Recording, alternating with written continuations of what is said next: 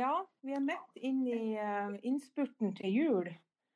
Og uh, jeg har veldig lyst til å ha med meg Ragnar Skjelnes i dag uh, for å snakke om jule, jul og juleforberedelsene i gamle dager. Vi vet alle sammen, og vi har alle sammen hørt fortellingen om hvordan det var før jul i gamle dager.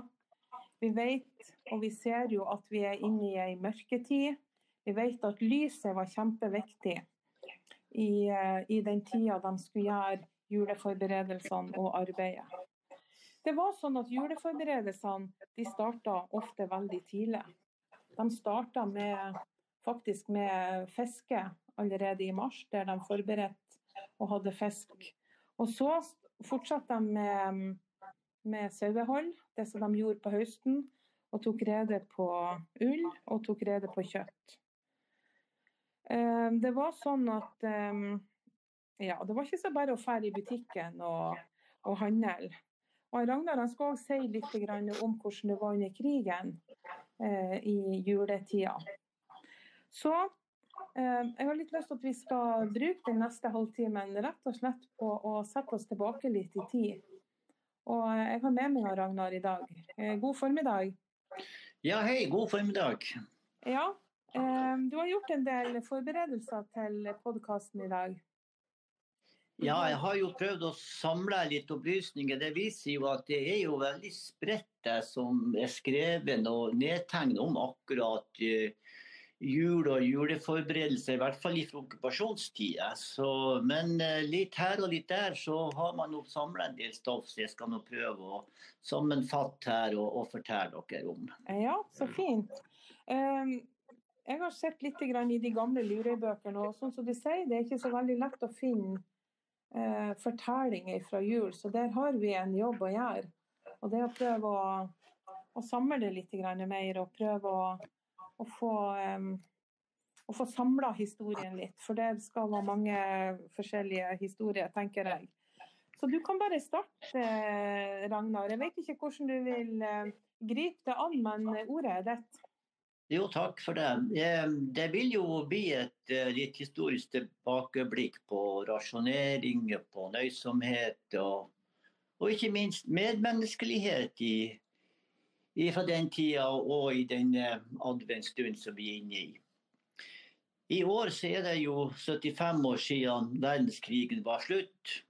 Og heldige er jo vi som aldri har opplevd verken krig eller ufred på kroppen og som har fått lov å vokse opp i, i trygghet og fred. Men eh, også denne jula rundt omkring i verden så berøres fortsatt tusenvis av mennesker av krig. Og noen er jo òg kommet hit nettopp pga.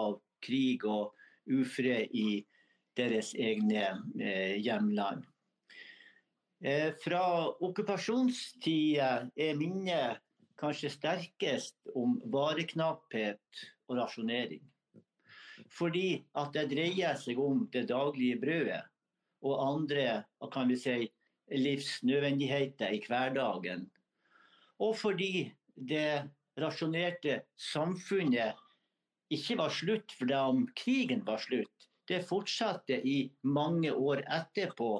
Og de siste rasjoneringene i Norge de ble jo opphevet så sent som på, på 1960-tallet. Jula er jo en følelsesladet tid for mange. Det er ei tid der mange forbinder med samvær med familien, men også ei tid der mange kjenner ensomheten og savner etter elskede personer som ja, så ekstra sterkt i jula. Men jula er jo også først og fremst barnas tid, og står i sterk kontrast til det som var krigens realiteter. Yngre mennesker i dag har kanskje liten forståelse for følgende av krig og okkupasjonsårene i Norge. Fordi at hendelsene er så langt tilbake i tid. Og de som lærer om andre verdenskrig i dag, i eller utenfor skolen, på minnesteder, museer, ja, de tilhører jo oldebarnas generasjon. Og det er ikke lenger vanlig at familier i dag har hørt historier om mørklegging, rasjoneringskort, jøssinger, brakkebaroner, NS og quislinger. Ja, om familien i det hele tatt har opplevelse fra denne tida. Altså Befolkningens sammensetning har forandret seg. Og mange som lever i dag i Norge, forbinder jo krig med helt andre begreper enn det som vi tenkte på årene 1940-45. Det sies jo at tiden leger alle sår. Og det er jo en kjensgjerning at de emosjonelle sidene etter krigen nå etter hvert er kommet i bakgrunnen for det historiske perspektivet. Og fra et historisk synspunkt så kan vi ja, i dag vi kan bare ane hvordan det var. Men en bitte liten smak har vi fått føle på det siste året pga. alle restriksjonene for normalt samkvem pga. pandemien. Med naboer, venner. Ja, hele landet er bremsa ned og delvis lukket fra sitt normale samkvem. Ikke pga. krig og okkupasjon, men av en usynlig fiende. Under okkupasjon ble også folks handlefrihet begrenset. Sterkt begrenset. Man måtte søke reisetillatelse og grensepass for å dra noen miler av gårde for å besøke kjentfolk. Titusener av forskrifter, forordninger, påbud, forbud, lover og reguleringer så i denne tida dagens lys og formørke folks liv. Og det førte òg til tomme butikkhyller, eller at forretninger ble stengt for kortere eller lengre tid, og nyhetsmedia sensurert. Sånn var det den gang. Men jul, det ble det lell. Feiringa av jula er gammel. Men tradisjonen med juletreet kommer først langt senere. Den tradisjonen vi kjenner, er tysk og eh, stammer fra først på 1500-tallet. Så spredte tradisjonen seg til byene, ut i landet og fra land til land. Men i førstninga så var det bare rikfolket som hadde råd til juletre. Til Norge kom juletreet sånn først på 1820-tallet. Spredte seg fra Oslo og til hvert ut i landet. Og på slutten av 1890-årene så er juletreet en tradisjon hos, hos hvermannsen. Alle kan vi sangen 'Så går vi rundt om en enebærbusk'. For det var enebærbusker som i førstningen ble brukt til juletre, for det var så lite tilgang på furu og gran på kyst og øye. Og for mange så ble juletreet en stokk som ble malt eh, grønn, båret hull i, og så satte man inn greiner av eine.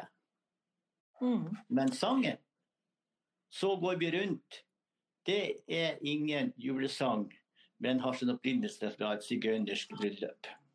Ja, akkurat. Eh, jeg ser at uh, i denne boka som jeg har, den, dette er lureboka fra 1988. Og der står det mye om det med lyset. Og, og I gamle dager så laga de jo Det står litt om juletrær òg, men jeg ser òg at uh, parafinlampa den var ukjent. Men de laga seg lys av, av talg mm. fra saueslaktinga. Mm og eh, gjorde dem klar, sånn at de har lys til, de, til den mørkeste tida.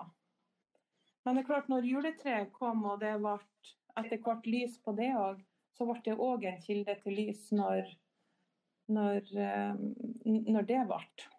Mm. Viktig, å, viktig, å, ha litt lys i mørketida. Absolutt viktig. Det, det var liksom det. Altså var det jo den her med å sette skjømming før det var ja, for mørkt for å Det var for lyst for å tenne lys. Og så var det for, og, og dermed så, men så var det, var det ikke nok, mørkt nok for å, og, Så de måtte avvente til det ble helt mørkt. Og det var liksom en sånn tid for litt historiefortelling og litt sånn Mm. avslapping før du kunne tenne lyset og begynne med arbeidet igjen. Dagen var vel veldig sånn oppdelt. De var oppe i Otta og, og, og gjorde noe, og så hadde de en sånn pause på, på formiddagen, at de hviler seg litt. Og så hviler de seg i svømminga, og så, eh, ja. Og så var det da, Dagen var Ja. så var det da spinning og litt garnbøting og den type ting som foregikk utover utover kvelden. ja. Mm. Men jul og juleforberedelsene, som på Ytre Helgeland og ellers, det er jo fra tidligere tider. De er nok på, på mange måter helt forskjellige eh, da og det som blir gjort i dag, for dagens virkelighet. Mm. Det her med knapphet av forskjellig slag, det var jo ikke noe nytt for befolkningen før, før krigen, og, og nøysomhet var en dyd. Men folket hadde sin frihet. Men okkupasjon førte til både matknapphet, varemangel og tap av friheten. De fleste som, som, som bodde ute på kysten, det var jo den typiske fiskerbonden som linerte seg fra naturalhusholdet. Altså fisk fra sjøen, kjøtt, melk, egg, smør og ull fra der gården kunne produsere. Under krigen så var jo det meste rasjonert. Men, men de som hadde denne kombinasjonsmuligheten til å høste fra jordet og havet, de lei ingen direkte nød. Men selvfølgelig for de som hadde liten plass og mange munner å mette, så kunne det være vanskelig. Men som Borghild Knutsen fra Myklebostad sier, folk hjalp hverandre. Og delte på det som åker og hav ga. Og hun forteller at hun husker at læreren oppfordra oss til å dele på skolematen mellom oss i klassen. Så alle liksom fikk litt. Selv om det var noen som hadde lite, så fikk de i hvert fall muligheten til å få litt mer. Bakgrunnen for denne knappheten under krigen den kommer jo av at 40% av nasjonalproduktet var tatt av okkupanten. Og importen var begrenset til kun å gjelde fra Tyskland og tyskokkuperte områder. Men i disse områdene så ble produksjonen presset til det ytterste for å imøtekomme tysk krigsindustri. Så det ble nødvendig å innføre rasjonering på matvarer, på sko, på klær og andre fornødenheter. Og av mangel på lær så produserte skofabrikkene sko av fiskeskinn og papir. Og spesielt dekk og slanger til sykler var det vanskelig å få tak i. Og etter hvert også spiker og trematerialer. Og, hadde du, og hvor mange dyr hadde du på gården? Ja, det ble kontrollert av den kommunale forsyningsnemnda. Så det var jo med list og lemp at en klarte å lure unna en kalv eller et lam til eget forbruk. Og Kvotetildelinga av drivstoff til fiskebåtene var streng. Og de her stadige kontrollene av folk som måtte legitimere seg, ble jo et stort irritasjonsmoment. Og som, om ikke det var nok, så ble jo i august 41 foretatt en inndragning av alle radioapparater for de som dog ikke var medlem av, av NS. Men som sagt, jul det ble det uansett. Og tradisjon tro, tro så ble det òg julemat på bordet. Sjøl om ingrediensene ikke var det en var vant med. Men oppfinnsomheten var stor. Fattigmann og hjortetakk ble stekt i grisefett. Potetmel ble brukt i bakverk, jevning og kompotte. Torskerogn og potetmel gjorde seg godt i vaffelrøret. Og ble det noe til overs at man har vært nøysom og ikke brukt opp alle eh, de her rasjoneringskortene, så kunne man faktisk drikke ekte kaffe og spise risengrynsgrøt av ekte gryn på julekvelden. Og Bjørgil hun forteller bl.a. at i en julekveld hadde besøk av en soldat. Willy Hartmann het han. Han var stasjonert på Myklebostad. Og han fikk delta i julefeiringa sjøl om han ikke tilhørte, selv om han tilhørte fienden. eh, faren hadde invitert ham fordi han var alene mens de, den andre soldaten som var sammen med ham, hadde permisjon. Eh, de bodde i et rom hos familien hvor det var installert en radio og senderutstyr. Dette var som sambandssoldater. Og mora hun syntes synd på han soldaten. For hun hadde tenkt at hadde vært hennes sønn som hadde vært hjemmefra på, på julekvelden. Så de spiste julegrøt, drakk kaffe, åpna julepakker og, og sang julesalmer. Og som hun sier, greia var stor for oss alle denne kvelden. Hun forteller videre at han Willy Hartmann var en snill og koselig gutt. Kom fra Østerrike. Han var ikke nazist, og Bjørgis forteller at mor ble glad i han. Så sjøl om han tilhørte fienden, så tok hun godt vare på han. Og han pleide på sin side å vise de bilder av foreldrene og kjæresten. Men da gråt han, og mor måtte trøste han. Hun Og Elsa Solum fra Nesna hun skriver i sin bok 'Lite under krigen' om jula 1941. Hun er da snart fire år. Og denne jula så får hun av en ung tysk soldat ei dokke i presang. Hun husker dokka var så skjønn, med lyseblå silkekjole, og den lå i en kurv med et lyseblått silketeppe. Men soldaten, han havna i Sovjet og forsvant. En annen soldat han heter Aksel Martin Henning. Han skriver i sin dagbok at han julekvelden 1944, han er på den tida i Sørfold kommune i Nordland, hadde hatt en bra kveld.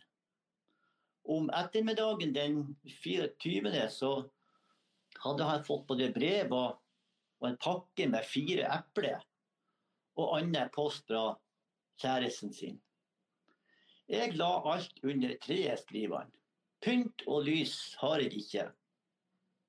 Kameratene mine de mener jeg er lat, for de har pynta sitt juletre med bomull som de har tatt fra svømmevestet. Han skriver videre at på ettermiddagen julaften og på kvelden så deltok òg sovjetiske krigsfanger i feiringa. Det var krigsfanger som hadde meldt seg eh, frivillig til tysk krigstjeneste. Og det var jo, som man skriver, en merkelig situasjon for både tyskere og sovjetere. I går vakta på, i dag gjester hos tyskerne.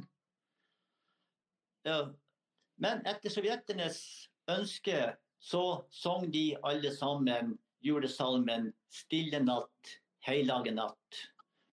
Mm. Senere på kvelden så ble uh, tyskerne invitert over til den sovjetiske leiren og fikk delta i deres feiring. Og Der hadde de pyntet et stort juletre. Det var fargerikt. På toppen var Andreaskorset, og bak et ikon med bilde av Maria. Og Det ble holdt en slags gudstjeneste, og det ble sunget verdslige sanger, soldatsanger og reklamert, reklamert dikt. Mm. Denne historien står jo i sterk kontrast til julaften 1942 på Grønsvik. Journalisten Leif Steinholt har skriver i Helgelandsbladet at jula 1942 i Lurøy var våt og vindfull. På julaften var det sørvest liten kuling, og temperaturen lå på pluss åtte grader. Været det lette nok utover dagen, det hadde slutta å regne, og vinden hadde roet seg ned til en laber bris. Men fortsatt så var himmelen bedekt av skyer. Og mens jula ble feira i Aldersundet og på Selnes, så levde den ukrainske fangen Antonovitsj Sjapovalov sine siste tid. Nå en time inn i første juledag var livet slutt. Det milde været det kunne ikke redde livet til Antonovic. Fem måneder som krigsfange på Grønsvik kystfort var nok.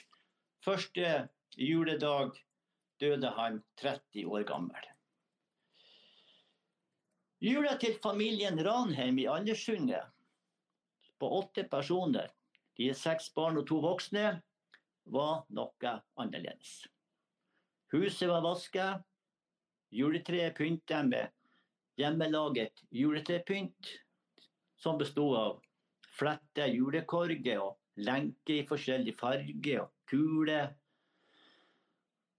Og søndagsklærne var kommet på, og de var obligatorisk på julaften og første juledag. Det var skjorte og kortbukse for guttene og jentene i kjole. Og familiens julemiddag består av sauelår, som hadde hengt på låven siden slaktetida i oktober. Og på den tida var det jo blitt veldig mørt, og med tilbehør som kokt potet, brunsaus og ertestuing, så var det jo en nydelig julemiddag. Og til dessert så var det rød sagogrynsuppe. Rolf forteller at spenningen var stor da han ønska seg et par ski i uh, julepresang. Men det ble det ikke. I stedet så ble det mjuke pakker. Strekkeleste, strømper, votte, selvevotte og et stort, fint eple. Han forteller også at tyske vaktbåter stundom uh, var ankra opp i sundet, og på kveldene kunne de høre trekkspillmusikk. Tyske soldater kom fra festninger, var i bygder og var opptatt av byttehandel. De ville ha melk og egg og smør og ull. Og som betaling fikk bygdefolket tobakk og brennevin. Ellers så måtte jo storbøndene i bygda levere melk til soldatene og høy til hestene på festningen. Men han husker soldatene som greie, og som alltid hadde de med seg godterier til ungene. Men også for okkupanten så var det rasjonering. Det var ikke sånn at de kunne meske seg med det de vil. Kjøtt og poteter var ikke hverdagskost. Selv om kostholdet for de var bra, så ble den også ensformig.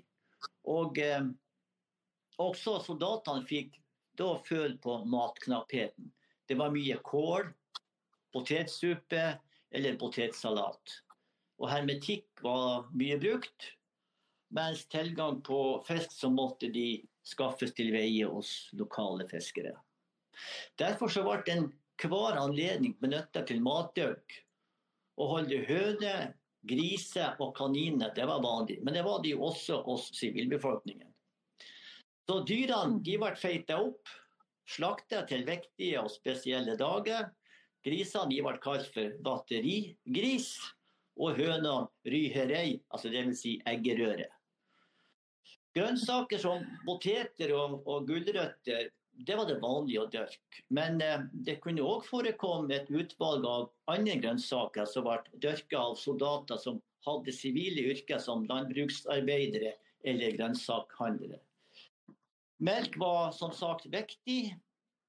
Og eh, de mottok da, som jeg har nevnt tidligere, melk fra lokale bønder eller gjennom den kommunale forsyningsnemnda. Men også øl og mineralvann var selvsagt populær drikke. Og Julefeiringene på fortet var preget av stor høytidelighet. Matrasjonene ble jo ekstra store på en sånn kveld. Sjefen for batteriet eller hans adjutant var julenisse, som delte ut sigarer, øl og en bok til hver soldat, som kun var en roman eller en dagbok. 'Jarbuk for soldaten i Norvegen'. Mm. Pakkene hjemmefra hadde feltpostmannen samla opp den siste måneden, sånn at de ble delt ut på julaften. Og julesalmene ble sangt, og kvelden avsluttet med kaffe og kake. Men neste dag så var det tilbake til de daglige rutinene. Han Per Johan Pedersen fra Selnes han forteller at en julaften så kom en tysk soldat til Selnes og familien Pedersen på besøk. Det var bare en, et raskt besøk. Han var så vidt innom døra, og så for han igjen. Fordi han ønska å se hvordan nordmenn feirer jula. Og som sagt, det var et raskt besøk. Men dessverre for han så hadde han forlatt sin vakt. Og hans fravær var blitt oppdaget. Så hans jul ble tilbrakt i vaktarresten, og senere blir han sendt til Sandnessjøen, der hans videre skjebne er, er ukjent. Det er vanskelig for oss å forstå i den overflod vi lever i, hva rasjonering betyr. Men det, det betyr å tilmåle i rasjoner. Og det er jo et kjennetegn på okkupasjon, der rasjoneringer av mat og forbruksvarer var underlagt strenge restriksjoner. Som avslutning, og på den arbeidstid vi er inne i, så skal jeg sitere et utdrag fra ei bordbønn i krig, skrevet av han Gunnar Reis-Andersen i 1945. Og han skriver følgende Jeg takter Gud for et daglig brød som redda oss ut av den verste nød. Jeg takker deg for mat som vi vraka før. Jeg takker deg at fienden er grov og grisk på alt vi eier av kjøtt og fisk.